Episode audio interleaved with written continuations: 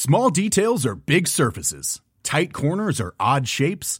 Flat, rounded, textured, or tall.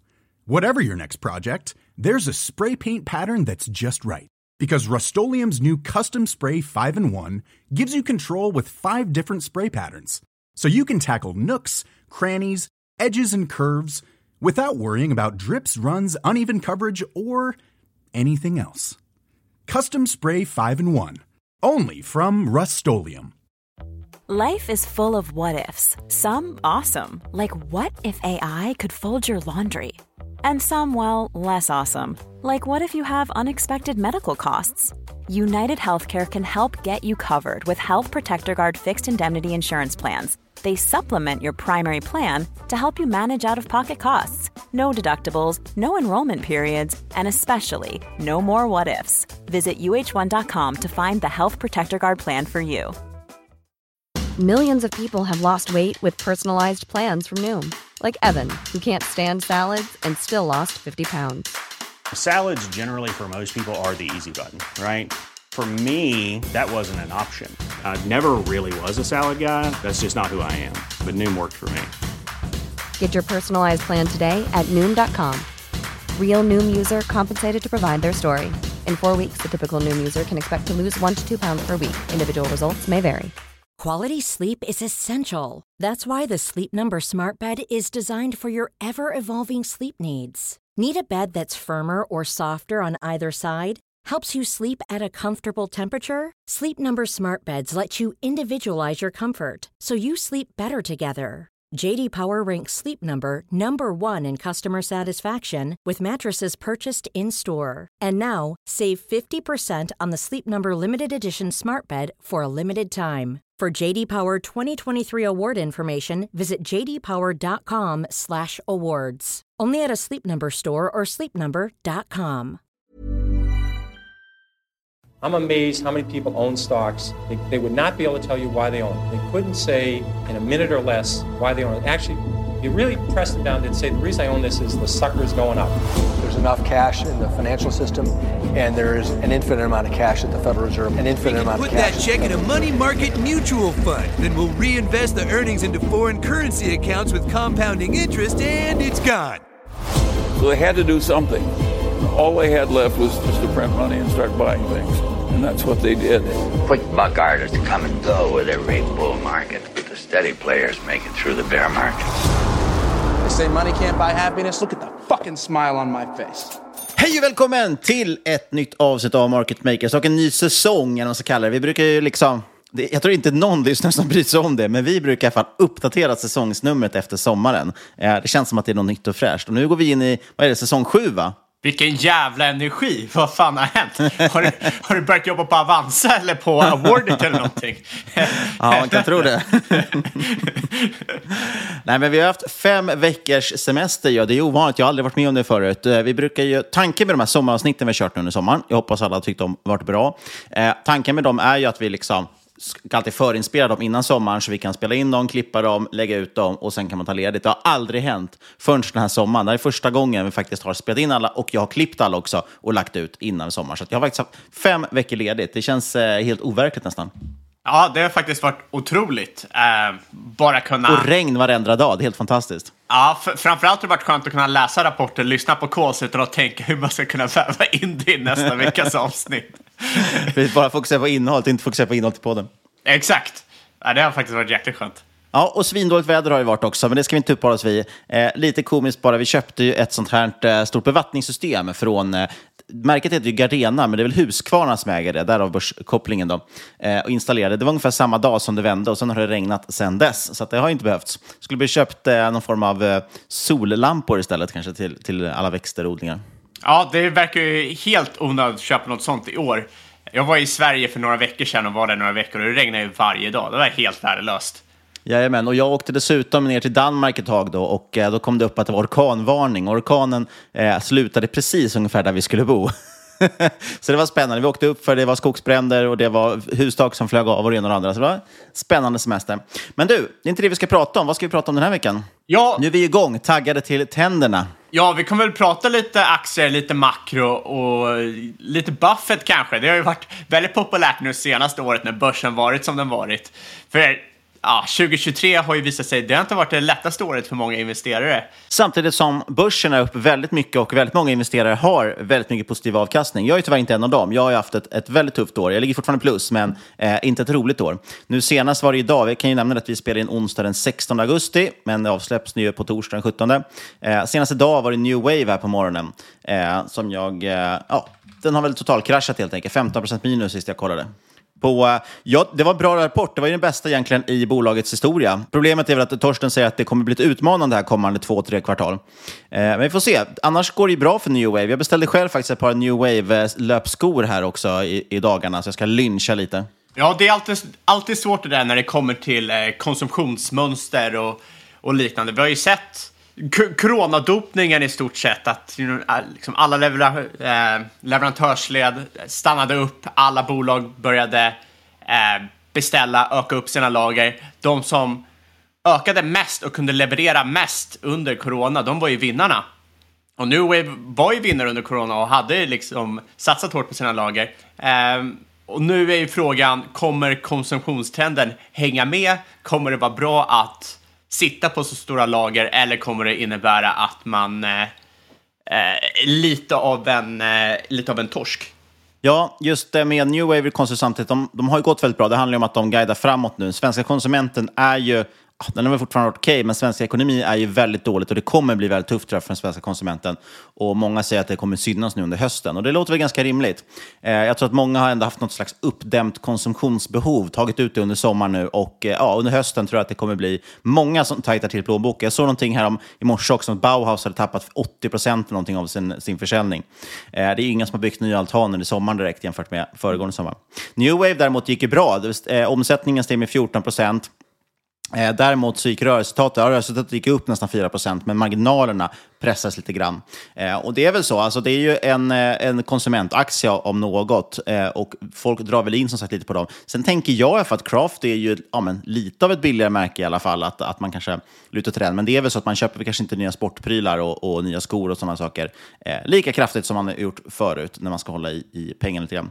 Samtidigt, aktien handlas till P 9 Ja, jag vet inte. Jag tycker att det är fortfarande ganska intressant med New Wave. Torsten är också väldigt optimistisk inför framtiden. Han säger att två, tre kvartal framåt kan det bli tufft, men de är i ett, ett extremt bra läge med sin balansräkning, med sin position eh, och man kommer nyttja det här offensivt liksom, om det blir tuffare. Så att, eh, jag tror fortfarande att det är någonting för långlådan, eh, New Wave, helt klart. Och jag äger fortfarande aktier kan jag säga för, för transparensens skull. Ja, nej, det var väl som vi konstaterade när vi kollade på det för några månader sedan, att det, det såg ju billigt ut och såg ut som de hade allting, liksom allting var rätt ställt i bolaget. Och sen att, eh, jag menar att, att marknaden har negativ syn kommande kvartal, det är egentligen, det är ju väldigt positivt som aktieägare. Är, man har ju hellre det än, än det motsatta. Då har man ju bara nedsida att, eh, då har man ju bara stor nedsiderisk rättare sagt. Ja. Medan nu kan, kanske man kan baka in lite negativa förväntningar och förhoppningsvis slå dem. Ja, vi kommer komma tillbaka lite till det senare avsnittet, men det är ju det knepiga med New Wave är att jag tycker fortfarande att den är väldigt, väldigt billig, även med de här lägre förväntningarna. Eh, men ja, jag vet inte, det, det är svårt här. Multipel kontraktion just, kommer vi återkomma till, eh, eller multipel expansion. Det är kanske svårt också att se det, även fast jag tycker att den borde handlas kanske P 15 istället för P 10, eh, vilket ju indikerar en stor uppsida. Men frågan är om man får den uppvärderingen eller inte. Men du, vi hoppar väl in på dagens avsnitt. Det kommer bli ganska mycket Buffett idag. Det var lite sammanträffande faktiskt. Du ville prata Buffett, jag ville prata Buffett, så att det kommer bli väldigt mycket Buffett idag. Ja, det känns ju sjukt klyschigt när börsen går, är som den är eh, mycket volatilitet, i alla fall när man handlar de här eh, mindre bolagen och i de sektorerna vi gör. Att man drar fram Buffett liksom. Visdomsord från eh, mästarinvesteraren. Ja, men vi kommer titta lite på vad han investerar i också och komma med lite idéer. Men du, jag ska först påminna om att det inte är någon rådgivande rekommendation. Vi berättar bara om vår process och hur vi tänker. Gör alltid en egen analys och glöm aldrig att alla investeringar är förknippade med risk. Ja, som sagt, intressant att du också vill prata om Buffett, för jag vill också det. Och det har lite att göra med att det här, man måste väl ändå konstatera någonstans nu att dotcom-bubblan 2.0 har spruckit. Håller du med i den eh, beskrivningen? Ja, det måste man väl ändå säga. Det är inte alls som det var för några år sedan. Eh, ja, och det känns ju som att det är lite svårare nu att handla aktier och tjäna pengar på dem. Ja, vi kan väl varmt rekommendera den här boken Active Value Investing. Eh, han Vitali som har skrivit den, den är väldigt bra just. Den, den handlar om hur man ska handla i en choppy market, en marknad som bara, ja, men som är väldigt volatil, som rör sig sidledes upp och ner. Eh, kan vara den är fa fa fantastiskt bra för att förstå skillnaden när det handlar i en bullmarknad och i en björnmarknad. Eh, bullmarknad, som många kanske förstår, det är bara buy and hold och du rider med upptrenden. Men bear market ser väldigt annorlunda ut mot vad många tror. Många tror att en bear market är en stor krasch och sen är det bara att köpa på sig. Men bear markets brukar vara en längre tid av väldigt hög volatilitet där du måste ta eller du måste använda dig av volatiliteten för att tjäna pengar. Det går inte bara att köpa om du vill slå Eh, index eller börsen över tid. Nej, och det är väl det som är knepigt. Jag tror många också har blivit färgade. Om vi tänker, titta senaste tio åren, liksom, sen finanskrisen då, lite framåt, så har vi haft liksom hela tiden lätta, äh, äh, lätta centralbanker. Alltså de har varit väldigt snälla, vad heter det? Eh, det har varit väldigt mycket easing i ordet jag letar efter, fast jag hittar inte det på svenska nu. Det har varit eh, bra. Eh, man har hela haft räntesänkningar och så vidare. Aktier har stigit liksom sakta men säkert, så det har varit väldigt lätt med buy and hold som du säger. Och den enda egentligen större kraschen fått var ju under corona. Och då fick vi exakt det som du beskrev, som inte är normala, det vill säga en superkrasch och så bara köper man på sig och så stiger det rakt upp igen. Eh, nu är vi väl mer inne i då så kallad shopping market, alltså det går lite mer upp och ner, eh, men rör sig kanske mest sidledes eller eventuellt neråt. Eh, och då är det väldigt intressant som du säger, säga att man måste vara lite mer aktiv. Och det är lite intressant, då, för nu är det ju väldigt många av de här olönsamma techbolagen och de lönsamma techbolagen. Mycket har ju kraschat rejält. Eh, Arc Innovation med Cathy Wood eh, i fronten är väl kanske ja, den tydligaste frontfiguren för det här eh, och den här senaste bubblan. För de köpte ju på sig i princip allting de kunde hitta och det spelade ingen roll hur liksom mycket moonshot det var, hur mycket galna idéer det var eller hur lite pengar bolagen tjänar, de skulle ha det ändå. Hennes fond den tiodubblade sin AUM, alltså hur mycket pengar de förvaltade, under bara något års tid och ledde dem till att då, ja, då var ju de tvungna att köpa ännu mer saker eftersom det bara strömmade in pengar. Eh, och de köpte mer och mer galna bolag, ofta med låg likviditet, vilket ju var en bra strategi för då gjorde deras köp att de fick en upphåsande effekt på många bolag, eh, vilket då gav ytterligare liksom, avkastning, även om den var artificiell. Men det som är intressant nu, Tittar man sen, liksom för, sen den här fondens lansering för fem år sedan, det är framförallt 2020 och 2021 som den gick väldigt, väldigt bra. Eh, men nu har den ju kraschat igen, 70 procent ner är väl sen toppen. Eh, trots det har den ju på fem års sikt, då, sen den startades, eh, gett positiv avkastning. Men, och det är det här anledningen till att vi pratar lite om Buffett. Nu står ju Buffett återigen här som segrare mot den här fonden. Exakt samma sak som under dotcom-tiden, eller liksom dotcom-bubblan vid millennieskiftet, så hånades ju Buffett väldigt mycket. Man sa att han var förlegad, han hade tappat det. Eh, varför köper han inte it-bolagen? Samma, samma sak såg vi den här gången också. Eh, men nu då, han liksom jobbar sig upp sakta men säkert och nu faktiskt så har ju Buffetts Berkshire Hathaway levererat bättre avkastning än, än till exempel då Ark Innovation Fund. Eh, Ark Innovation är som sagt plus, men Buffetts Berkshire har levererat 115 procent under de här senaste fem åren. Eh, så de är ju de var rejält frånsprungna ett tag, men nu är det de som har tagit över ledarfacklan igen. Och... Ja, förvånar mig inte, inte riktigt. Det har ju visat sig genom historien att när, folk, när du börjar se artiklar, det är som allt annat, när du börjar se artiklar om någonting då ska du ta motsatt trade. När eh, Buffett är eh, död, eller inte död, vad säger man? När Buffetts investeringstid... ja, det dröjer precis några år till. är död, då, då ska man ju ta motsatt där och börja, börja haka på vad han gör. Och det är väl samma som när eh, tidningar fylls av eh, growth stocks och liknande. Ja, då kanske man ska dra öronen åt sig och vända på skutan. Ja, och det där är ju liksom det som är Buffetts stora eh, framgång är ju att han alltid, han bryr sig inte om vilken story eller vilken, vilket narrativ som finns i media, utan han kör ju på med sin strategi och det lunkar på då i ganska maklig takt. Eh, vi kan titta liksom i princip på vilken tidsserie som helst för, för Ark Innovation, så ser man att Berkshire har tuffat på som sagt i ganska maklig takt, medan Ark har rusat, men sen så pöste ihop, eller sprack helt enkelt, och Buffett har gått om. Och jag tycker att det är många intressanta paralleller som sagt, mellan de här senaste åren och dotcom-bubblan vid millennieskiftet. Eh, jag vet att vi har lyftat förut, så jag ska liksom inte repetera mig hur mycket som helst och tråka ut er. Men om jag bara nämner några fakta, liksom, eller några saker vi har sett, så är det roligt för att vi kommer inte kunna veta vilken av perioderna jag pratar om. Eh, dels har vi liksom senaste, vi har sett den här perioden att det var väldigt mycket techbolag som i många fall var olönsamma, men i vissa fall också fantastiska företag som var mycket lönsamma. Eh, alla trodde dock att den här försäljningstillväxten liksom, de hade skulle fortsätta växa i otrolig fart många år framåt. Eh, och istället fick vi nu en tvärvändning. Försäljningen avtog när det visade sig att det som hade hänt var ju precis som du sa, att man hade egentligen bara tagit fram. Framtida efterfrågan hade kommit redan nu. Man hade liksom handlat det eh, innan. Eller det flyttades fram i tiden. Eh, och då blir det ju helt enkelt att det blir väldigt avstannat efter det. Eh, många av de här företagen kommer dessutom fortsätta vara fantastiska framåt. Men Eh, man kanske kommer få ta lite längre pauser med lite sämre tillväxt, eh, man kanske inte ser samma multipelexpansion och så vidare. Eh, och, och det här gäller till exempel företag som Microsoft. Och det är intressant, för som sagt, det gäller ju samma sak som det var under millennieskiftet och nu. Det är precis samma egentligen symptom. Det är också kul att vissa bolag är detsamma, som till exempel Microsoft. Och många av de här bolagen, Microsoft, Cisco och så vidare, eh, vissa har till och med fortfarande inte nått nya all time highs. Eh, medans, och vissa har gjort det, men det tog kanske nästan tio år efter dotcom-bubblan sprack innan de nådde det igen. Eh, någonting som jag tycker är lite kul nu, när räntorna har gått upp så mycket och kostnaderna har gått upp så mycket med inflationen, så säger många nu ledningar att vi ska fokusera på vårt kassaflöde, vi ska fokusera på lönsamhet eller kostnadskontroll, eh, olika varianter på det. Eh, och jag har sett en del då som har kritiserat ledningen för att de säger så här, varför fokuserar ni inte på, på lönsamhet innan eller kostnadskontroll? Eh, men jag, jag, tycker så här, absolut, det är lätt med facit i hand, men man måste tänka på det, det handlar väldigt mycket om psykologi. Eh, om man står där som vd, eller det här gäller väl analytiker och investerare, när man väl står där och man ser att bolaget växer explosionsartat, eh, då är det väl också ganska vettigt att det är rätt beslut att man då vill anställa mer, investera i nya fabriker eller förvärva andra bolag, eftersom man ser de här fantastiska möjligheterna. Eh, så det är ju lätt så att vi alltid gör så, vi drar ju alltid liksom ut linjen. Om linjen pekar uppåt, ja då fortsätter vi rita den uppåt eh, och tror att det ska fortsätta på samma sätt. Och det är det vi kan nyttja nu, när man har sämre tider, då är det många som drar ut linjen åt andra hållet. Eh, konsumenterna kommer ju återhämta sig, just nu är det ju många som har domedagsscenarion och tror att ja, men, liksom, konsumenten kommer aldrig någonsin mer ha pengar. Det är i princip det scenariot man börjar rita upp nu. Eh, men någon gång kommer ju liksom det där vända. Och frågan är väl hur länge dåliga tider fortsätter. Eh, och då ska man skilja på två saker också. Menar, vi har en sak med liksom, dåliga tider, alltså dålig makro helt enkelt. Det är ju en sak. Där ser det ju just nu lite ljust ut med tanke på att inflationen verkar ha kommit tillbaka rejält i USA. Man tror att det också ska ske i Sverige nu. Problemet är väl också, som vi tidigare sagt många gånger, att inflation ofta är ganska stickig. Den gärna studsar lite upp och ner. Eh, det ser helt plötsligt ut som att det har blivit ordnat, men sen så kommer inflationen tillbaka och sådär. Så det är stor risk att högre inflation kommer tillbaka omgångar.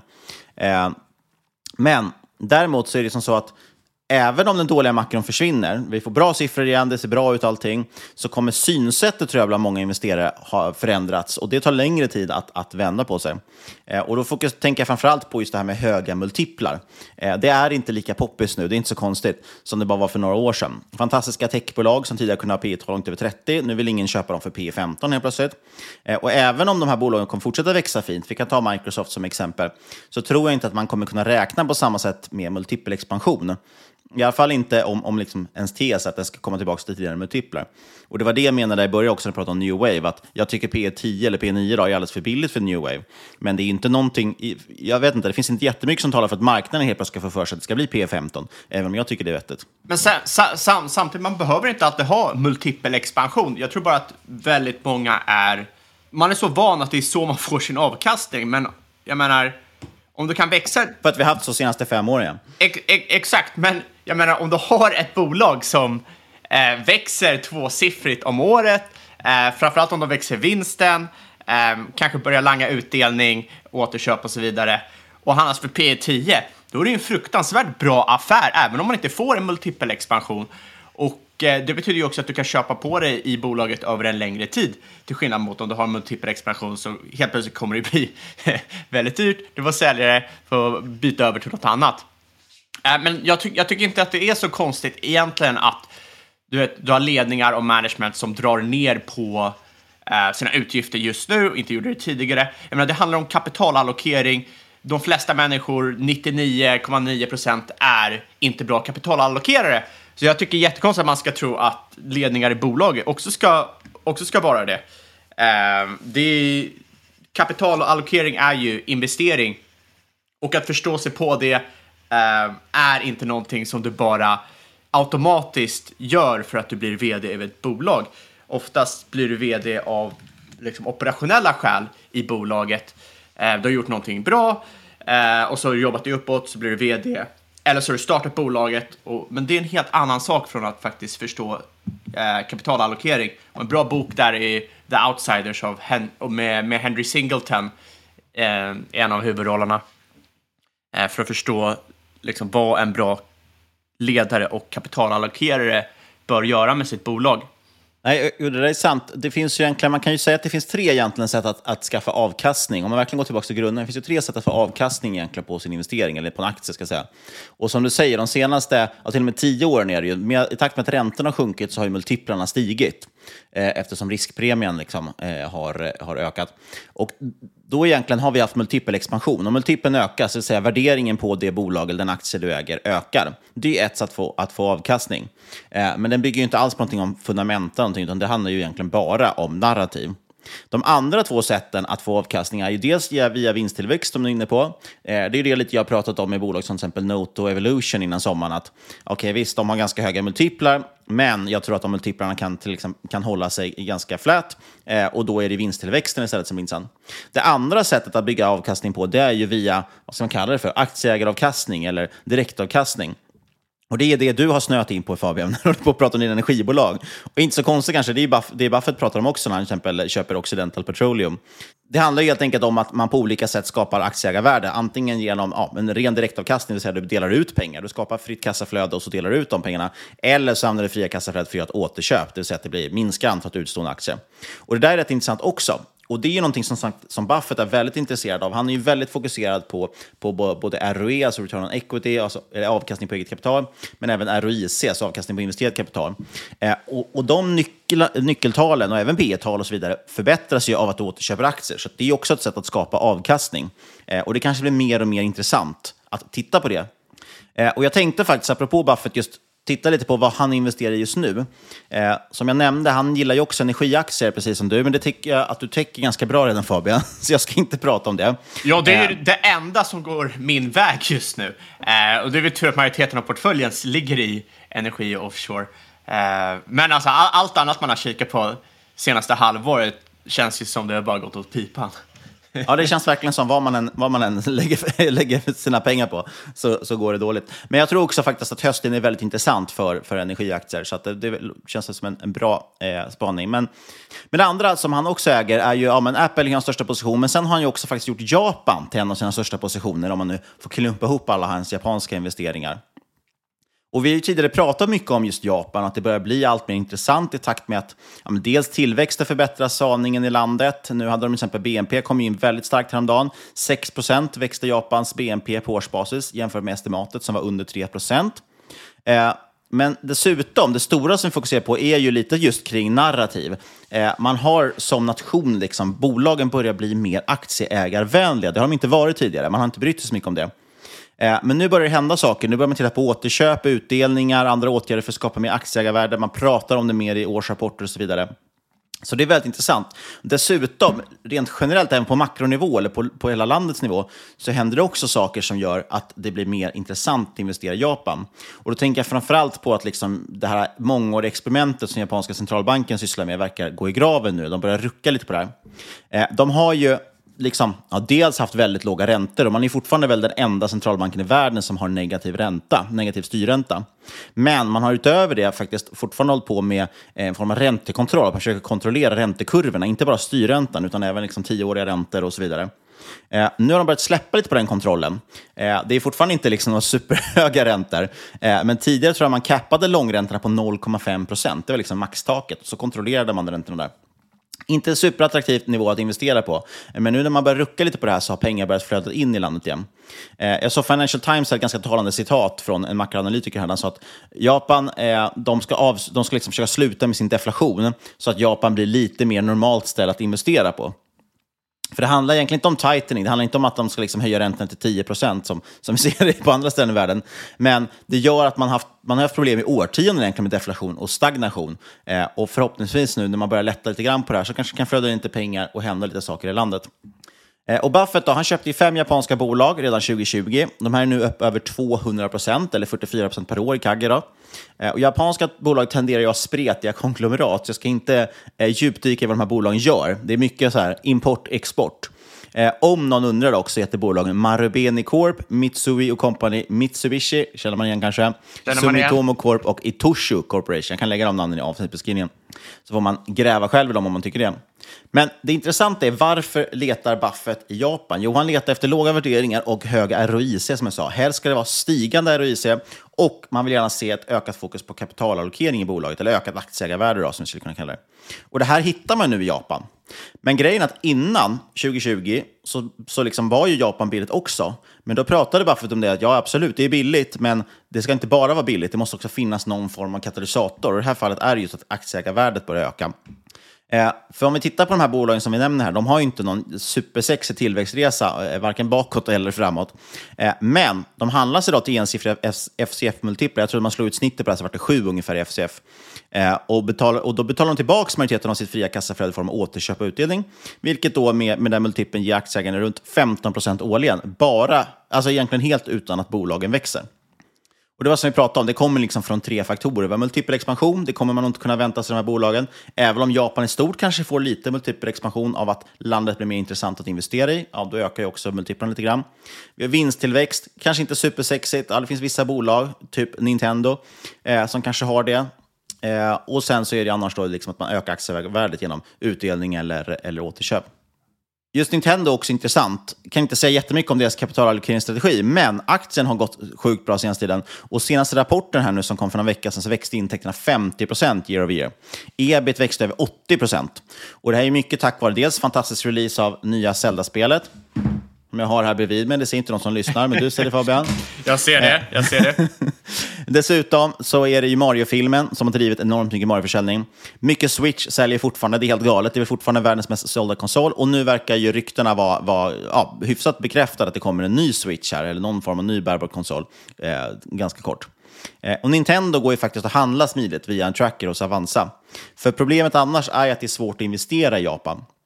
Eh, men jag har hittat i alla fall två stycken intressanta fonder som jag gillar. Eh, och vi är inte sponsrade på något sätt, men vill man ha mer bred exponering mot, mot Japan så tycker jag det är ganska intressant att titta på dels Skandia, Japan Exponering heter den, och sen har Storebrand en Japanfond också. Båda har en ganska låg förvaltningsavgift, runt 0,2 procent. Problemet för mig dock är att den sistnämnda fonden, alltså Storebrand, de äger ju Softbank som är ett av sina tio största innehav. och det är kanske inte någonting som jag jättegärna vill ha i portföljen. Eh, de har inte varit någon ledstjärna när det gäller kapitalallokering direkt. Mest extrema exemplet är WeWork. Det var väl värderat ett antal miljarder dollar. Eh, nu hotas de konkurs. Jag har för mig att de har värdering på 50 miljoner dollar eller någonting nu. Eh, och behöver ny finansiering. Så att för min del i alla fall, jag har köpt en liten steg i, i Skandia Japan Exponering, tycker jag kan vara intressant. De äger ju väldigt mycket av den typen av bolag som Buffett gillar också. Ja, ja Japan är intressant, för som du säger, det är galet het ekonomi just nu eh, jämfört med många andra länder. Eh, känns som landet går på högvarv och kommer, ja, det kommer gå så jäkla varmt så det kommer överhettas. Men då finns det också möjlighet att de drar till sig mycket likviditet, mycket flöden från investerare eh, som vill vara där. Och eh, det ovanpå alla de här bolagen som i alla fall optiskt sett ser väldigt billiga ut gör ju att Japan eh, ser ut som en rätt intressant trade. Eh, med risk att det över tid kommer bli en väldigt eh, överköpt trade, tror jag. Så är det nog. Och det är det som är grejen. Jag, jag tror fortfarande dock att det är ganska tidigt på den traden. Så det är det som är det intressanta egentligen. Absolut. Och överlag har man ju med sig där att det har ju handlats otroligt billigt och otroligt länge. Och det har inte funnits någon katalysator tidigare. Eh, så nu får man se om, om det går vägen. Eh, ja, jag, jag har ingen position, men jag tycker, jag tycker att det är väldigt intressant. Jag tycker de länderna, det finns vissa länder som du har relativt bra, liksom stabilt land, eh, men där du har tokbilliga värderingar och då är det såklart väldigt intressant att vända blicken dit och börja kika. Jag såg till exempel att eh, Storbritannien, det har väl en rekordbillig värdering nu när man jämför med till exempel USA. Så där kan det också vara intressant om man vill börja gräva i liksom, lite mer stabila länder, men som eh, har en börs som är jäkligt sur. Eh, men vi pratade ju lite om, eh, eh om eh, lite om Buffett. Hela avsnittet har handlat om Buffett. Och eh, jag läste en rätt intressant artikelserie tidigare under sommaren från, jag tror att det var Motley Fool. Och det här var en artikelserie från 2008-2009 med, med Alice Schröder som skrev The Snowball, så den här biografin om Buffett och det är väl känt som den mest ja, det är den mest kända och kanske den bästa också. Hon fick ju vara med Buffett i eh, några år De spenderade väl några tusentals timmar med varandra, så hon lärde ju känna Buffett på djupet. Och eh, jag tyckte det var väldigt intressant att eh, läsa de här artiklarna för jag fick en bra inblick i hur hon lärt känna Buffett och vad i stort sett den eh, liksom befolkningen eller investerarkollektivet har fel kring den här killen. Eh, för det är så, Buffett måste nog vara en av de mest missförstådda investerarna någonsin. Eh, och på det sättet blir han ju också relativt underskattad, för folk ser, ser små eh, liksom, citat, tar det som eh, liksom dogman och sen tänker ah, den här killen är buy and hold, han har köpt ett bolag som har gått väldigt bra. Men han är ju väldigt komplex egentligen och Ja, och om inte annat, så jag menar, han har ju levt väldigt länge och investerat väldigt länge, så det är ganska naturligt att man förändras lite under åren. Och vi har ju pratat mycket om det där förut, ju, med att han idag säger till exempel att man ska inte investera i råvaror och sådär. Samtidigt har ju du lyft till exempel att han gjorde jättestora silverinvesteringar ett tag, eh, och han gillar ju även energi nu, men, men köper oljebolag. Så att, vet, han går ju emot ibland det han säger, men det är väl för att många av hans råd syftar ju till eh, vanliga retail-investerare. Och, och, då är det ju goda, vettiga råd. Men han kan ju göra andra saker själv. Han är ju ganska mycket mer avancerad än vad de flesta är.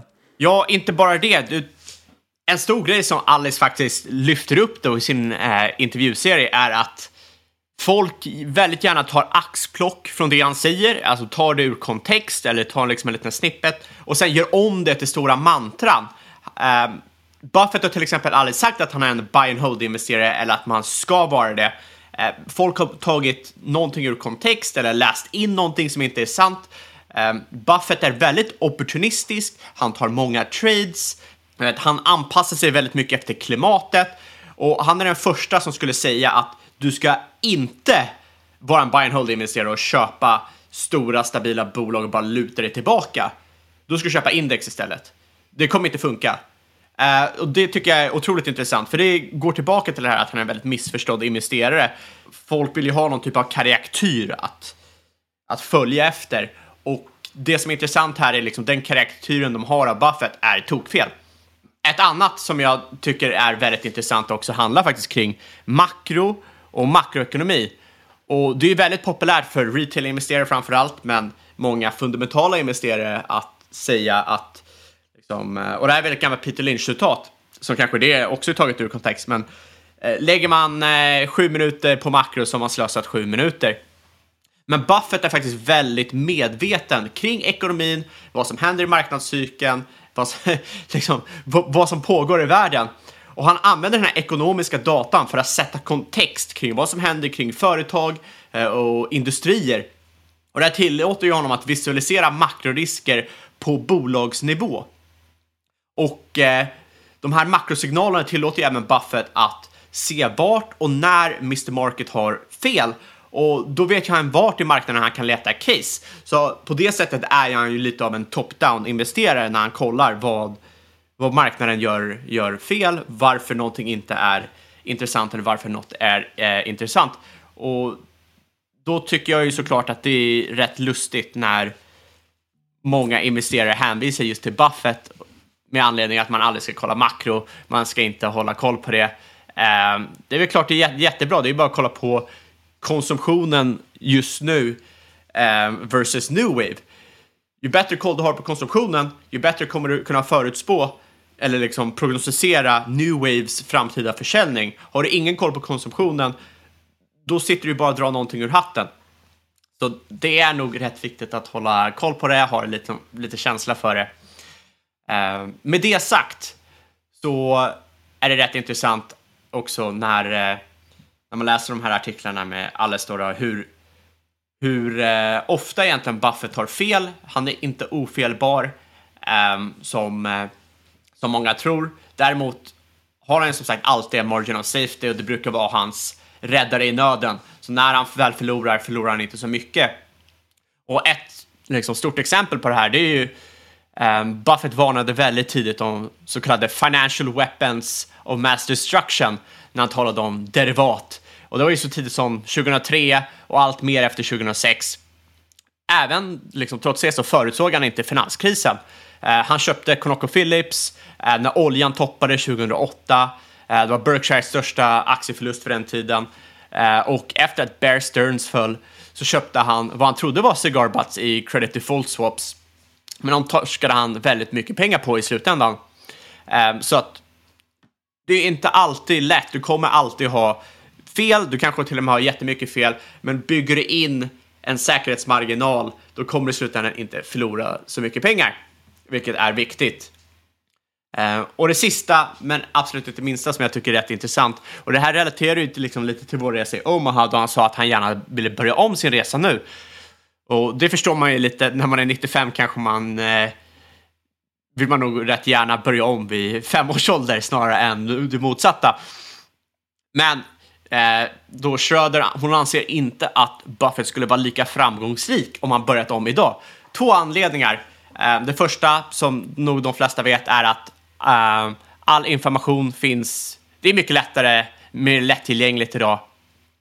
Eh, förr i tiden så gick det ner till något eh, förråd, grävde igenom eh, Eh, lite filer som ingen någonsin har kikat på och så får du massor med information.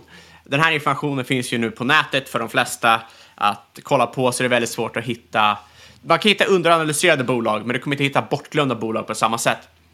Det andra är ju att han var ju väldigt bra att få management att berätta om sina planer för företaget. Eh, och det brukade ju vara väldigt lagligt förr i tiden, men nu kallas det insider trading. Buffett handlade väldigt... Något vi var inne på lite i, sommaravsnitten också, att det, det var inte så stor grej förr i tiden. Nej, och det, det, det är faktiskt rätt kul, speciellt när man, eh, eh, när man sitter och läser om hans tidigare dagar som liksom, ungdom eller numbers i partnership och liknande. Eh, det brukade ju vara lagligt att eh, handla på insider trading, alla gjorde det. Eh, och Buffett framförallt gjorde det väldigt mycket. Uh, så det är såklart, det är väldigt svårt att få samma typer av returns när du inte kan gå uh, till management och fråga, ah, men vad ska ni göra nästa kvartal? Ah, har ni en ny deal som kommer in? Uh, liksom, ah, ni ska sälja någonting, okej, okay, perfekt, så tar man en position. såklart helt, helt annan, annan grej idag. Men med det sagt så tycker jag att de här, vi länkar om avsnittsbeskrivningarna, tycker de är väldigt värda att läsa.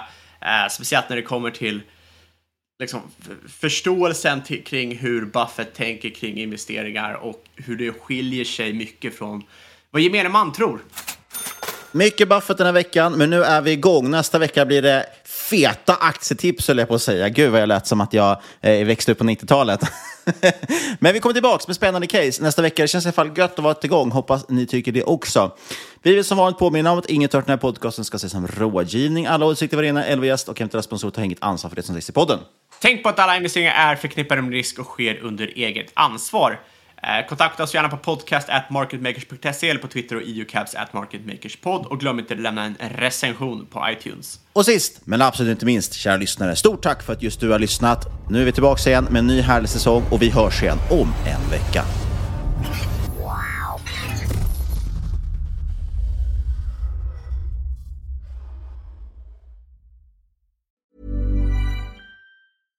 Small details are big surfaces. Tight corners or odd shapes. Flat, rounded, textured, or tall. Whatever your next project, there's a spray paint pattern that's just right. Because Rust new Custom Spray 5 in 1 gives you control with five different spray patterns. So you can tackle nooks, crannies, edges, and curves without worrying about drips, runs, uneven coverage, or anything else. Custom Spray 5 in 1 only from Rust-Oleum. Hey, it's Danny Pellegrino from Everything Iconic. Ready to upgrade your style game without blowing your budget? Check out Quince. They've got all the good stuff shirts and polos, activewear, and fine leather goods, all at 50 to 80% less than other high end brands. And the best part? They're all about safe, ethical, and responsible manufacturing. Get that luxury vibe without the luxury price tag. Hit up quince.com slash upgrade for free shipping and 365 day returns on your next order. That's quince.com slash upgrade. Mom deserves the best, and there's no better place to shop for Mother's Day than Whole Foods Market. They're your destination for unbeatable savings, from premium gifts to show stopping flowers and irresistible desserts. Start by saving 33% with Prime on all body care and candles. Then get a 15 stem bunch of tulips for just $9.99 each with Prime. Round out Mom's menu with festive rose, irresistible berry chantilly cake, and more special treats. Come celebrate Mother's Day at Whole Foods Market. When you need mealtime inspiration, it's worth shopping Kroger, where you'll find over 30,000 mouthwatering choices that excite your inner foodie. And no matter what tasty choice you make, you'll enjoy our everyday low prices, plus extra ways to save, like digital coupons worth over $600 each week. You can also save up to $1 off per gallon at the pump with fuel points. More savings and more inspiring flavors make shopping Kroger worth it every time. Kroger, fresh for everyone. Fuel restrictions apply.